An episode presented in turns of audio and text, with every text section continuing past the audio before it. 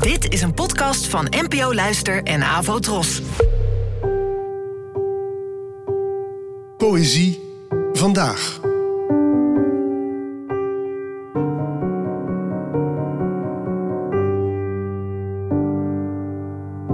Hallo, wat goed dat je luistert. Het gedicht van vandaag is geschreven door de Finse dichteres Serka Turka, geboren in 1939. Het werd vertaald door Adriaan van der Hoeven.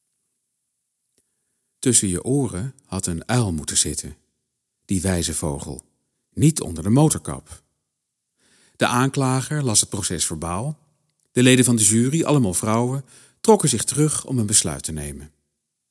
De rechter las het vonnis. En of wij iets op te merken hebben, de hond en ik. Jazeker, wij zouden naar huis willen en thuis is waar de drinkbak van de hond toevallig staat. Uitspraak: Jullie hebben geen thuis. In ieder geval onder deze hemel. Een hard oordeel, zei een kennis.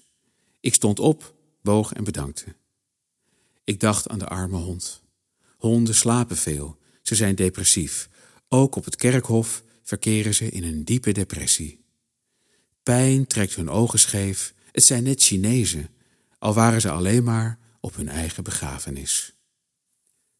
Veel gedichten zijn kleine verhaaltjes, of beter gezegd, het zijn, onder allerlei andere dingen, ook verhaaltjes, met een begin, een midden en een eind.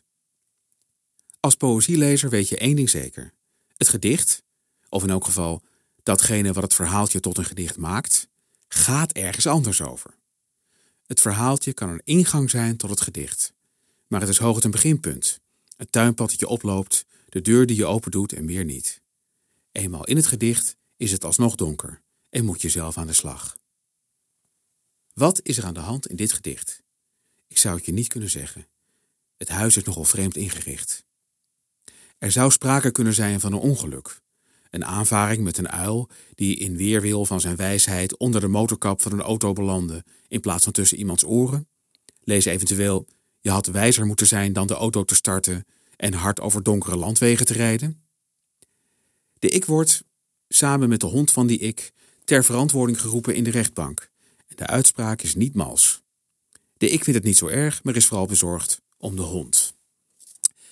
In de loop van het gedicht komt er bij mij wel steeds meer twijfel over de vraag welke elementen in het verhaal, uil, hond, rechtbank, etc., echt zijn. Welke alleen maar een beeldspraak om een punt over te krijgen. En of er eigenlijk verschil tussen zit.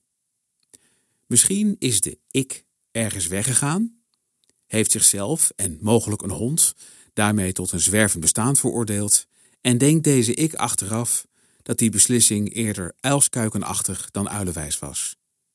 Wie zal het zeggen? Iedereen behalve de dichter. Bedankt voor het luisteren en tot de volgende keer. Afro Tros, de omroep voor ons.